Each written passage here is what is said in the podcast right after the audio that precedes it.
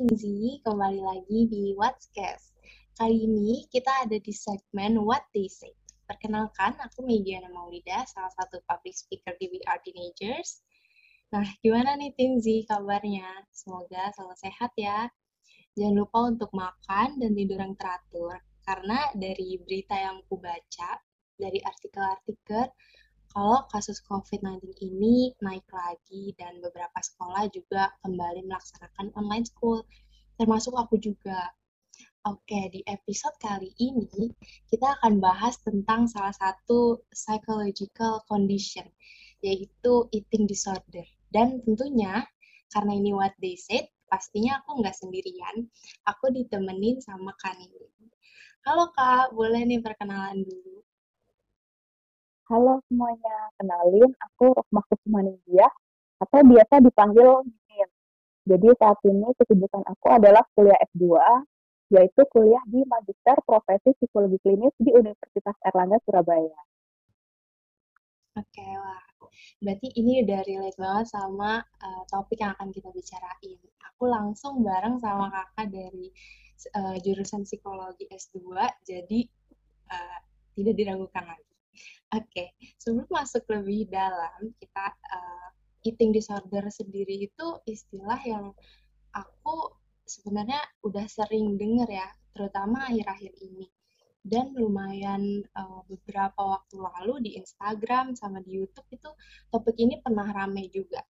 Nah, aku mau nanya sama Kak Ninin, sebenarnya eating disorder sendiri itu apa sih, Kak? Oke, eating disorder gitu ya. Kalau uh, ngomongin eating disorder atau bahasa Indonesia-nya nih gangguan makan gitu kan. Gangguan ini adalah suatu kondisi di mana seseorang itu punya sikap yang berbeda terhadap makanan yang akhirnya membuat perilakunya terhadap makanan itu juga berbeda nih daripada orang-orang kebanyakan. Jadi dia ketika melihat suatu makanan atau melihat makanan itu persepsinya udah beda, bukan kayak orang kebanyakan. Dan jenis-jenis eating disorder atau gangguan makan ini tuh juga beragam sebenarnya ada banyak banget. Tapi uh, jenis eating disorder yang cukup sering terjadi khususnya uh, yang sering terjadi di masyarakat gitu ya itu ada tiga. Yang pertama itu ada anoreksia nervosa yaitu penurunan berat badan yang parah yang biasanya disebabkan karena seseorang itu sengaja nggak makan. Jadi dia sengaja melaparkan diri nih. Mereka uh, salah mengira, merasa bahwa tubuhnya udah terlalu gemuk.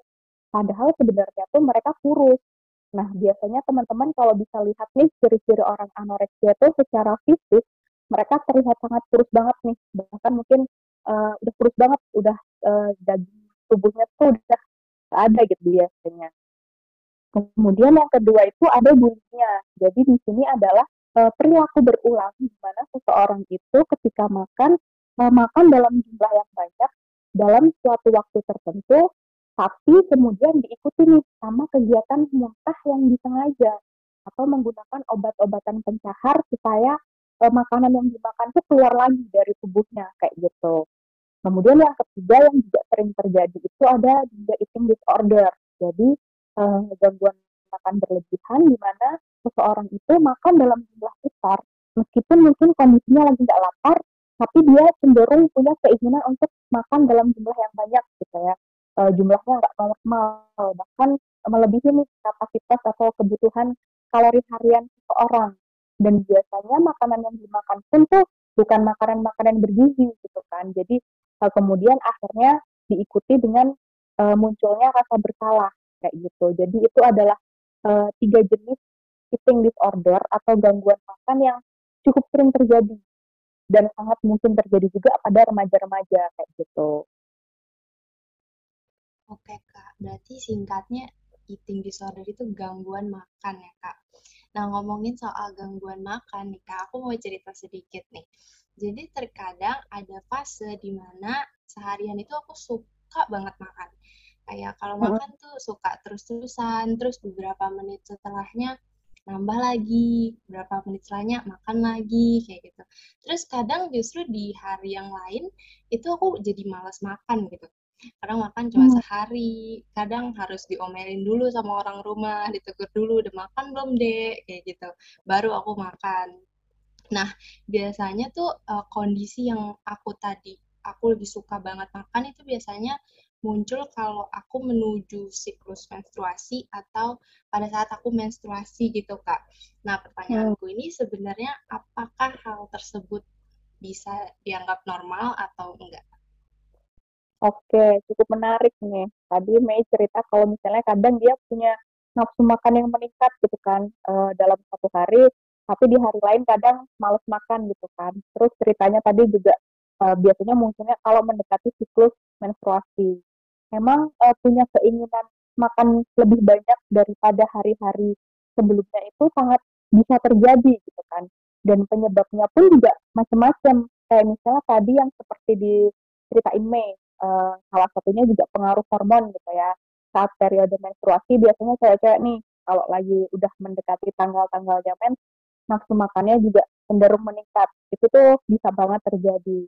Kemudian penyebab selanjutnya juga bisa karena efek samping obat-obatan atau zat tertentu yang dikonsumsi yang akhirnya meningkatkan nafsu makan seseorang. Kemudian uh, kondisi psikologis itu juga bisa banget berpengaruh ke uh, keinginan makan seseorang, misalnya sedang stres atau mungkin cemas atau depresi gitu kan.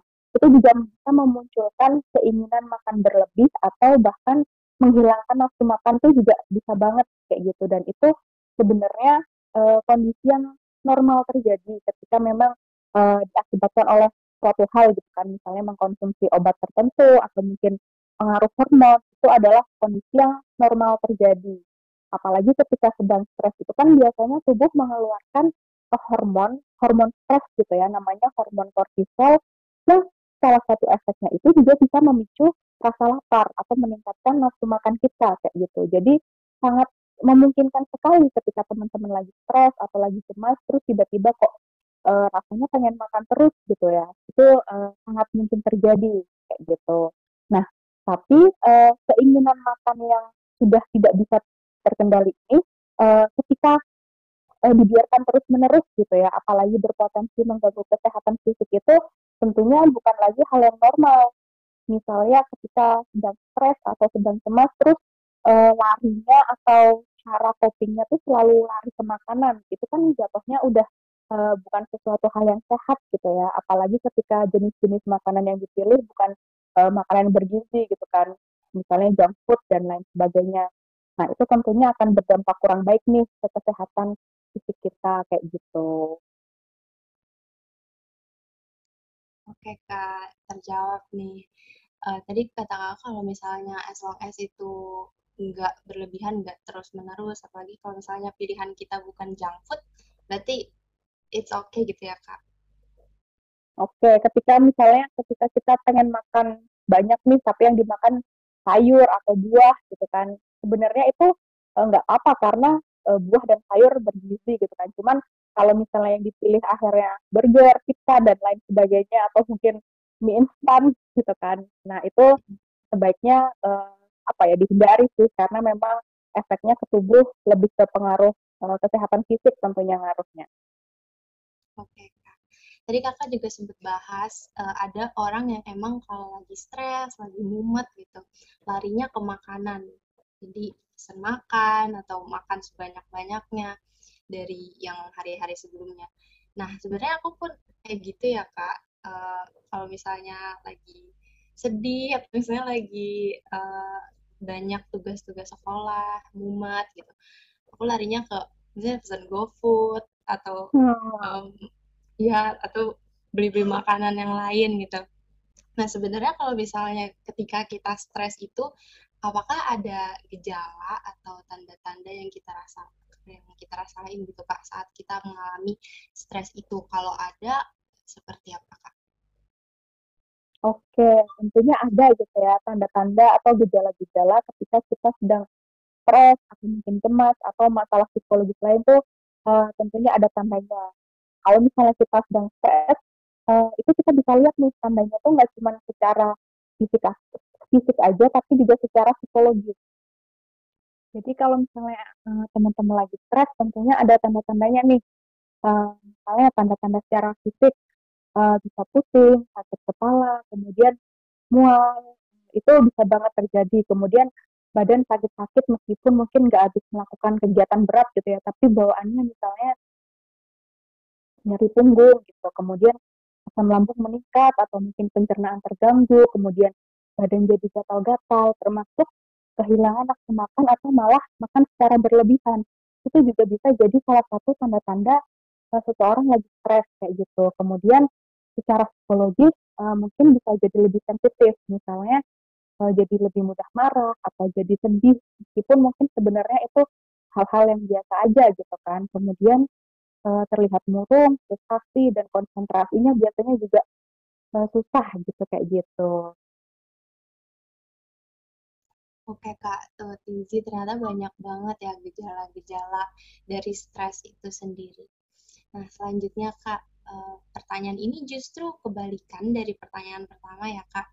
Uh, nggak sedikit nih dari temenku yang mereka mulai ada insecure atau kurang percaya diri karena size tubuhnya. Dan uh, mereka nggak sedikit juga yang memutuskan untuk diet. Tapi terkadang mereka tuh suka lihat diet-diet yang di internet gitu kayak diet instan, diet ala Korea yang seminggu bisa turun 3 kilo, 4 kilo yang kayak gitu. Terus sampai uh, kadang temenku ini juga kalau habis makan, even makannya tuh uh, cuma dikit gitu kak tapi dia nyesel setelah makan uh, terus kadang juga dia ngerasa kecewa sama dirinya sendiri aduh coba tadi gue nggak makan pasti berat badan gue naik habis ini kayak gitu. Nah kalau kayak gitu kenapa kak? Kenapa uh, bisa ada rasa kecewa terhadap dirinya sendiri setelah mereka makan? Oke, pertanyaannya cukup menarik nih. Nah, memang ada nih orang-orang yang ketika makan tuh biasanya mereka kurang mindful nih atau kurang sadar dengan apa yang mereka makan. Biasanya alasannya tuh karena mereka bukan mereka makan bukan untuk memenuhi kebutuhan atau misalnya karena lapar tapi karena hal lain. Salah satu contohnya misalnya karena e, pelarian saat cemas atau saat stres gitu kan. Akhirnya setelah mereka makan banyak, mereka jadi kecewa, menyesal udah melakukan hal itu. Atau juga bisa di orang-orang yang kurang percaya diri dengan tubuhnya sama kayak yang Meta disebutin gitu kan. Mereka berpikir tubuhnya gemuk, kurang menarik gitu kan. Sehingga setelah mereka makan, mereka jadi merasa sedih, merasa bersalah dengan apa yang mereka makan. Akhirnya kalau mereka punya pikiran kalau mereka makan tuh bisa berdampak signifikan banget ke tubuh mereka. Misalnya jadi tubuhnya naik 5 kilo dalam sekejap. Padahal kan sebenarnya tuh uh, agak mustahil gitu kan. Tapi uh, karena mereka punya kesalahan berpikir seperti itu, muncullah perasaan-perasaan kecewa setelah mereka makan makanan tersebut. Oke, Kak. Nah, tadi uh, soal yang cerita tentang temanku itu, aku juga mau minta tanggapan kakak soal diet instan yang menurutku itu tergolong ekstrim sih, kak. Kan ada diet yang kayak sehari tuh makannya ubi atau sama ya kayak ubi seharian tiga kali yang kayak gitu tuh menurut kakak gimana? Karena menurut aku itu ekstrim banget ya kak. Oke, seharian cuma makan ubi gitu ya. E, kalau teman-teman perlu ketahui ketika diet itu sebenarnya nggak cuma defisit kalori aja atau mengurangi jumlah kalori yang masuk, tapi e, yang benar adalah nutrisinya juga seimbang gitu. Kalau yang dimakan cuma ubi mungkin yang terpenuhi kebutuhan karbohidratnya aja gitu kan, tapi sebenarnya tubuh kita kan juga perlu vitamin, protein dan lain sebagainya yang didapat dari sayur, dari buah kayak gitu kan. Jadi buat teman-teman yang emang lagi diet uh, nggak cuman membatasi asupan kalorinya aja kemudian oh ubi itu makanan yang sehat nih ya udah aku makan ubi aja tiap hari gitu kan. Tapi jatuhnya tubuh kita nutrisinya jadi kurang terpenuhi karena nggak ada sayur yang masuk nggak ada protein yang masuk yang akhirnya mungkin nanti juga arahnya lebih ke uh, kesehatannya terganggu juga karena nutrisi-nutrisi di tubuhnya nggak terpenuhi secara sempurna kayak gitu. Jadi buat teman-teman ketika emang pengen diet nih akan lebih baik kalau dietnya diet yang sehat. Kalau perlu mungkin uh, konsultasi gitu ya uh, ke spesialis gizi gitu supaya uh, apa yang dimakan itu tetap bisa memenuhi kebutuhan yang ada dalam tubuh kayak gitu. Oke, terima kasih ya Kak. Uh, mungkin ini ada Tinzi juga yang lagi dengerin yang mungkin lagi ngejalanin diet yang tergolong ekstrim kayak mungkin tadi ubi tadi ini ubi aja nggak cukup ya Tinzi oke okay. uh, eh, selanjutnya uh, kalau ngomongin tentang orang yang insecure tentang size tubuh mereka itu karena uh, menurutku juga ada beauty standard gitu kan kak di sekitar kita kayak di mana orang-orang di majalah orang-orang di internet itu kelihatannya yang di pick itu yang cantik, yang cantiknya itu eh, kurus, terus tinggi, putih, yang kayak gitu. Jadi mungkin orang-orang berpatokan, oh cantik itu harus kayak gitu ya, cantik itu harus kayak dia. Terus uh, menurut kakak ada nggak sih kak hubungannya uh, beauty standard ini sama faktor penyebab eating disorder? Oke, ini juga pertanyaan yang cukup menarik gitu ya beauty standard dengan uh, eating disorder itu sebenarnya sangat uh, berhubungan sekali gitu. Kadang apalagi di zaman sosial media sekarang tuh orang bisa apa ya menentukan beauty standarnya berdasarkan apa yang dilihat di sosial media gitu. Yang mungkin sebenarnya foto-foto di sosial media tuh sebelum diupload tuh udah diedit berkali-kali lipat yang uh, apa namanya mungkin bentuk tubuhnya dikilin, ada yang pencahayaannya diterangin gitu kan yang sebenarnya uh, apa ya standar kecantikannya itu udah eh, nggak uh, pure itu gitu kan. Uh, udah bukan sesuatu hal yang uh, apa ya murni lagi kayak gitu. Jadi sangat berhubungan ketika seseorang memiliki suatu standar kecantikan tertentu yang akhirnya dia pengen misalnya standar kecantikan yang menurut dia nih orang dikatakan cantik itu yang tinggi putih langsing gitu kan. Akhirnya dia mau tuh mencapai standar kecantikan itu. Akhirnya kayak tadi misalnya diet ekstrim yang kayak tadi Mei cerita cuma makan ubi setiap hari. Nah itu kan juga bisa berpengaruh ke gangguan makan atau mungkin dia ngerasa kalau eh, apa yang dia makan bisa berpengaruh eh, buruk nih ke tubuhnya bikin tubuhnya gendut. Akhirnya dia setelah makan dimuntahkan lagi supaya harapannya dia bisa tetap makan banyak tapi eh, badannya nggak nggak gemuk nih tetap kurus sesuai dengan standar kecantikan yang ada menurut dia gitu kan. Nah itu juga sangat bisa berpengaruh terhadap munculnya uh, gangguan makan ketika seseorang merasa bahwa standar kecantikan itu adalah uh, hal-hal yang mungkin jadi kurang realistis gitu ya. Jadi itu memang dua hal yang sangat berhubungan sebenarnya. Dan apalagi ditambah di era media sosial sekarang ini mungkin teman-teman perlu apa ya tidak 100% mempercayai foto-foto yang diupload di sosial media sehingga memunculkan suatu beauty standar gitu kan. Jadi uh, teman-teman tetap bisa cantik, teman-teman bisa tetap uh, keren, teman-teman bisa tetap good looking dengan versi teman-teman sendiri tanpa menciptakan beauty standar yang mungkin sebenarnya tuh nggak realistis gitu. Iya, aku setuju banget sama Kak Ninin. Karena even aku pun kalau misalnya mau upload sesuatu di sosial media, pastinya aku edit dulu. Sampai aku ngerasa, oh aku udah cantik nih kalau kayak gini, baru aku upload. Kan nggak mungkin aku post fotoku yang lagi jelek atau apa gitu. Jadi nggak bisa 100% kita lihat yang di sosial media itu adalah real. Nah, terus aku juga lumayan sering uh, dulu tuh ya Kak, aku compare tubuh aku dengan tubuhnya orang artis, uh, selebgram, model dan lainnya. Kayak kok badan dia ideal banget ya, kok aku enggak kayak dia dan sebagainya. Atau aku juga sering dengar orang comparing ke aku gitu kayak ih uh, si Mei makan terus tapi kok dia nggak gemuk-gemuk ya? Kok gue makan dikit kok gemuk ya? Kayak gitu. Jadi sebenarnya uh, kita kan nggak tahu ya kak uh, orang tuh kayak gimana. Siapa tahu dia juga sebenarnya dalam hatinya pengen gemuk juga atau mungkin orang yang udah ngerasa kurus dia masih ngerasa dia gemuk yang kayak gitu. Dan juga sebenarnya uh, ada beberapa juga yang kena influence from their family kayak kalau misalnya kita suka nih lagi makan sama keluarga besar, terus kayak kita mau nambah nasi atau mau nambah lauk, terus suka ada teman-teman aku tuh yang dibilangin ada nyetuk tuh keluarganya kayak, eh kamu jangan makan banyak-banyak ya, nanti nggak ada yang mau lah sama kamu, kayak gitu.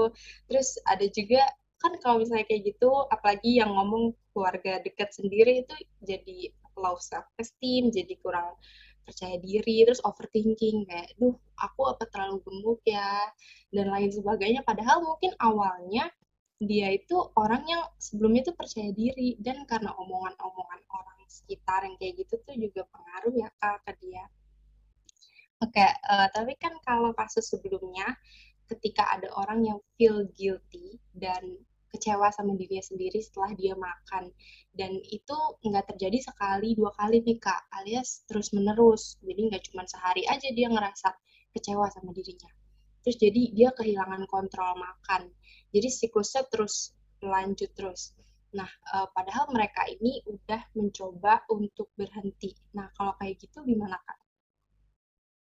Oke, kalau misalnya yang terjadi adalah udah jadi ini siklus gitu ya, udah mencoba segala cara mungkin tapi dia kewalahan nih untuk mengatasi hal tersebut misalnya uh, kesulitan mengelola kegiatan makannya atau selalu merasa kecewa setelah makan atau punya keinginan makan berlebih yang sampai nggak bisa terkontrol gitu kan. Kalau misalnya itu udah menjadi siklus, tentunya itu bukan sesuatu yang normal lagi gitu ya. Jadi eh, teman-teman perlu aware dengan kondisinya apakah itu sebenarnya masih terjadi sekali dua kali aja atau sudah jadi suatu siklus atau uh, kebiasaan yang terjadi setiap hari kayak gitu. Nah, penyebabnya itu juga bisa beragam gitu kan, masing-masing orang bisa berbeda. Bisa karena pandangan diri pada tubuh mereka yang negatif gitu kan, nggak percaya diri, akhirnya uh, ngaruh ke pola makan dia gitu. Mungkin awalnya dari omongan-omongan orang kayak yang Mei tadi cerita, uh, omongan-omongan di lingkungan sekitar yang akhirnya terlalu diresapi mendalam yang berpengaruh juga nih ke pola makan harian atau mungkin pengaruh hormonal karena isu period atau masalah psikologis atau mungkin penyebab-penyebab lainnya gitu kan.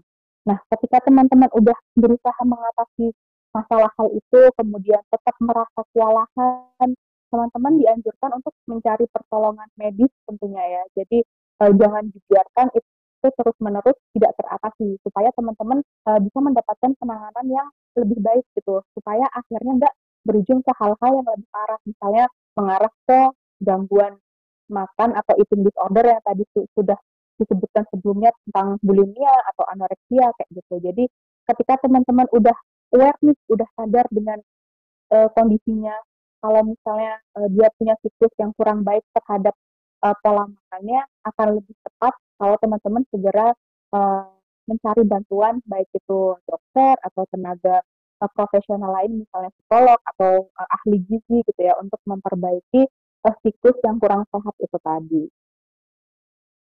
Oke, okay, tadi kalau misalnya mengalami eating disorder itu, aku yakin tentunya ada pengaruh ke kesehatan fisik atau mentalnya kan kak. Nah karena ada kondisi psikologi yang tidak baik-baik aja. Nah, apa sih Kak pengaruh-pengaruh yang dirasakan kalau kita mengalami eating disorder itu? Oke, tentunya eh, sangat berpengaruh gitu ya ke kesehatan kita. Eating disorder atau gangguan makan ini kan kondisi yang cukup kompleks gitu. Bisa berpengaruh ke nggak cuma kesehatan fisik, tapi juga kesehatan mental.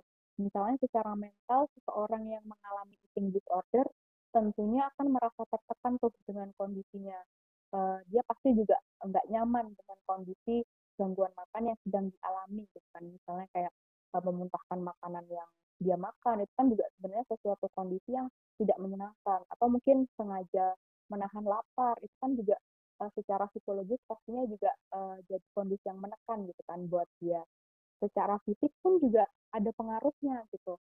Misalnya terhadap penyerapan nutrisi dalam tubuh apalagi ketika itu berlangsung dalam jangka waktu panjang gitu kan uh, tentunya akan mengganggu juga nih kinerja organ-organ vital manusia. Misalnya kayak sistem pencernaan atau ginjal bahkan yang paling parah ketika uh, itu sudah mengarah ke jantung. Tentunya itu juga akan berpengaruh ke nyawa gitu kan kaitannya.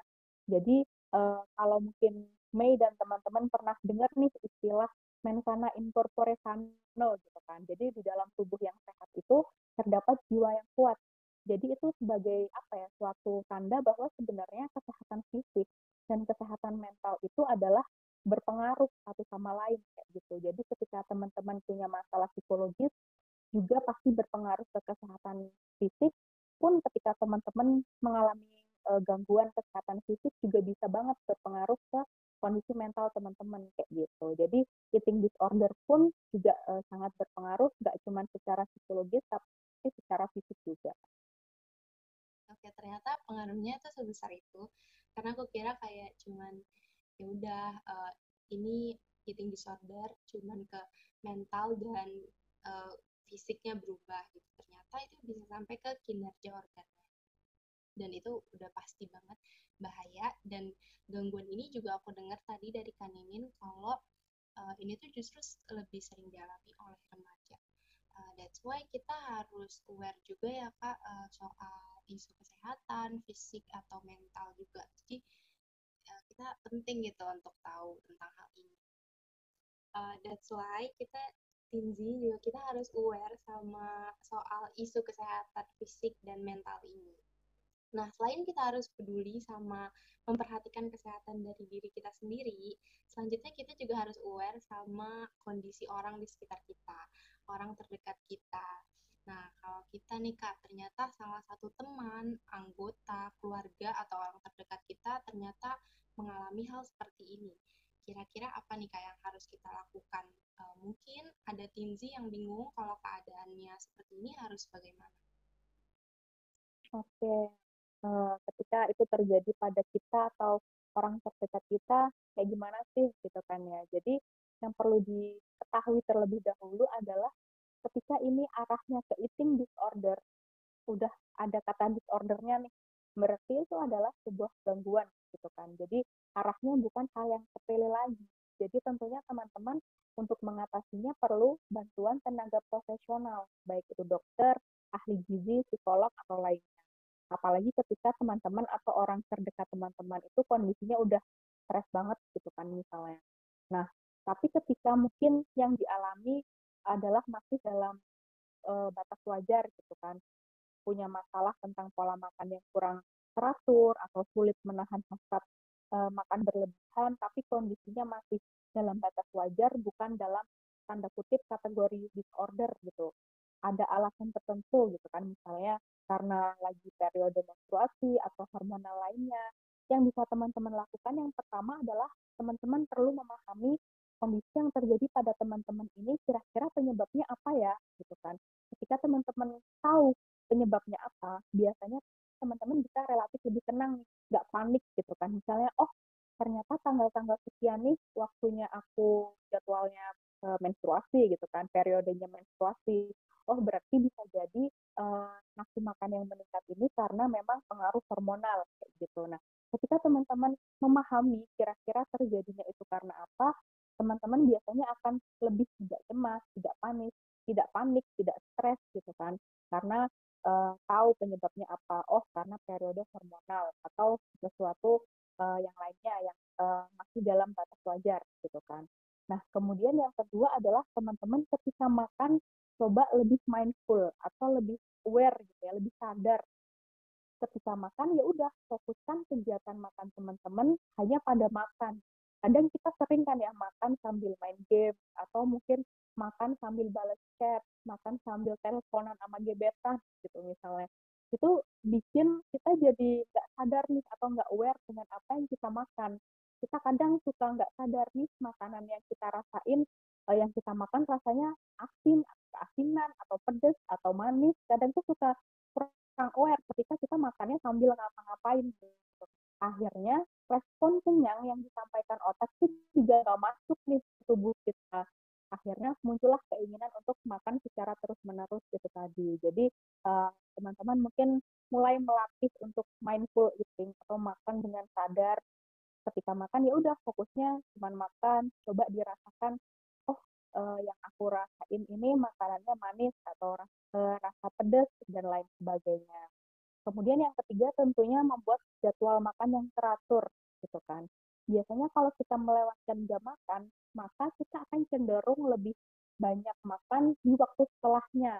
Misalnya kita skip sarapan, tapi akhirnya makan siangnya jadi semuanya dimakan gitu, makan gado-gado, bakso dan lain sebagainya masuk semua nih sebagai kompensasi kan tadi aku nggak sarapan ya ya udahlah makan uh, lebih banyak sedikit nggak apa-apa padahal sebenarnya bisa jadi itu uh, udah terlalu berlebihan gitu kan jadi pastikan teman-teman makan uh, dengan teratur tiga kali sehari di waktu yang teratur juga. Jadi untuk menghindari uh, keinginan makan berlebih di waktu-waktu yang tidak diinginkan. Mungkin itu sih beberapa hal yang bisa coba nanti dipraktikkan buat teman-teman gitu ya. Ketika mungkin lagi ada masalah tentang pola makan yang kurang teratur dan sebagainya.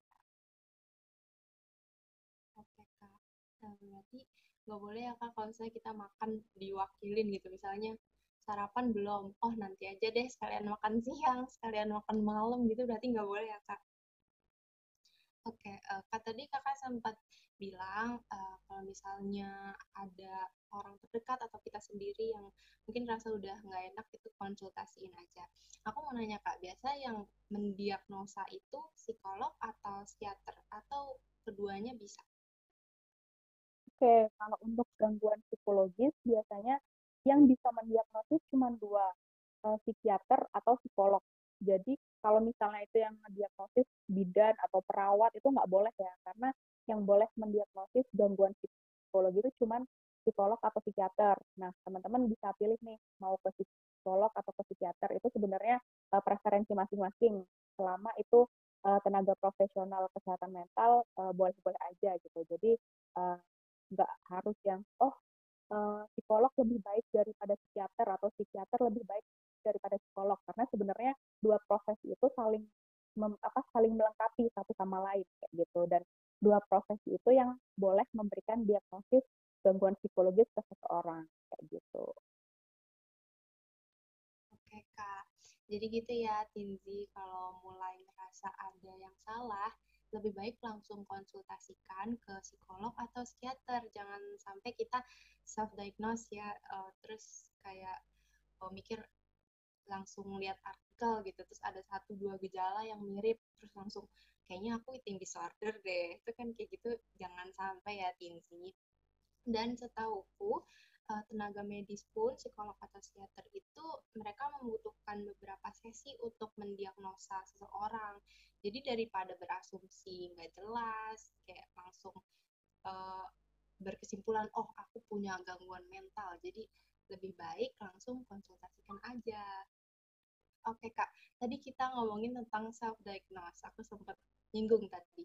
Nah itu ada dampak buruknya nggak sih kak? Kalau misalnya kita uh, kayak belum konsultasi tapi kita udah menyimpulkan oh kita punya gangguan mental kita depresi kayak gitu. Itu ada dampak buruknya nggak kak?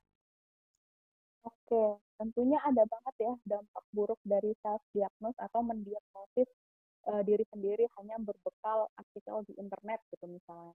Ada dua kemungkinan.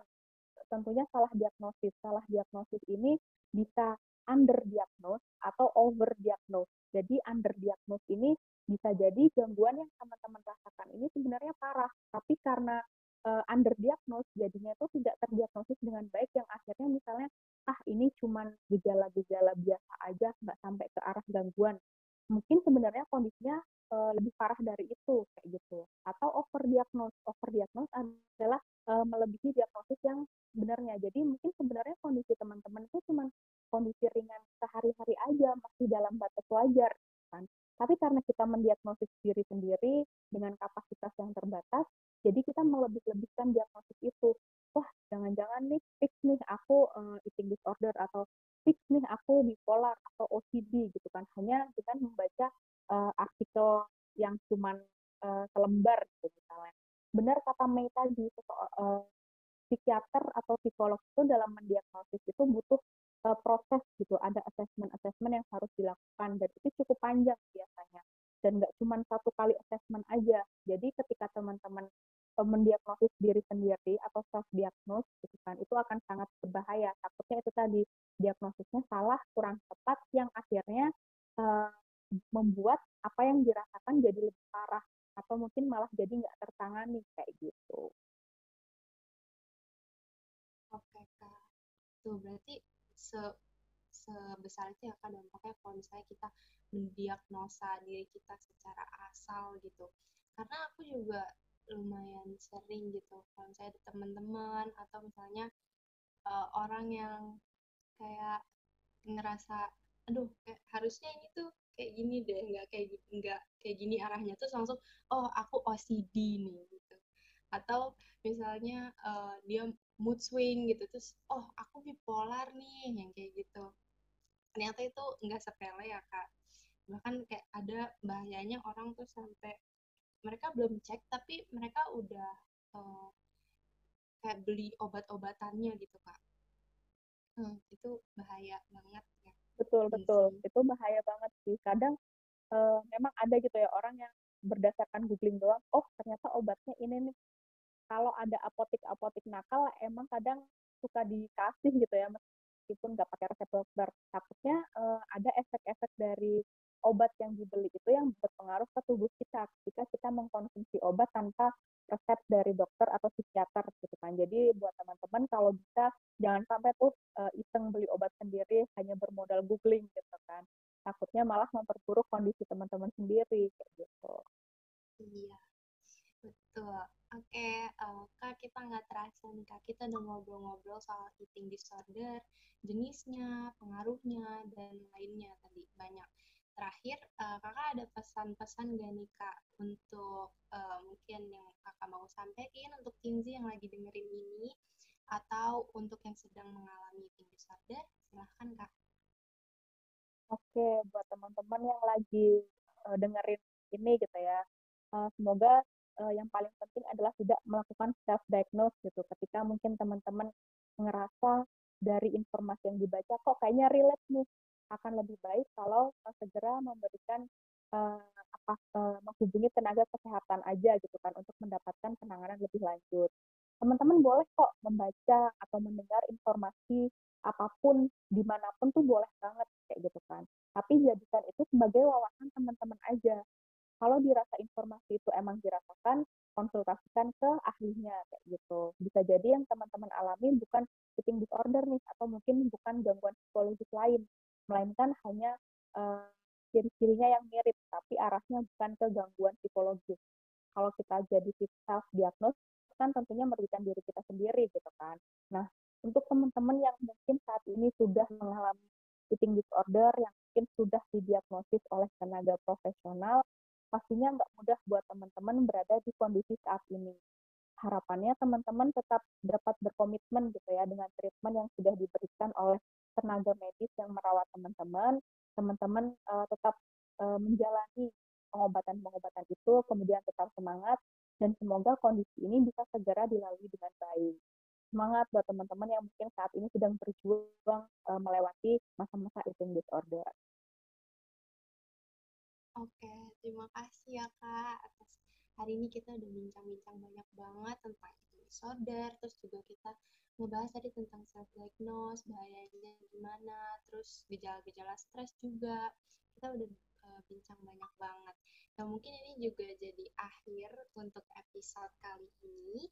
Makasih banyak untuk Inzi yang udah dengerin podcast ini sampai selesai sampai di sini. Makasih juga untuk Kaninin udah luangin waktunya untuk ya untuk podcast ini aku mau pesan untuk Inzi semua untuk selalu jaga kesehatan, protokol kesehatannya juga.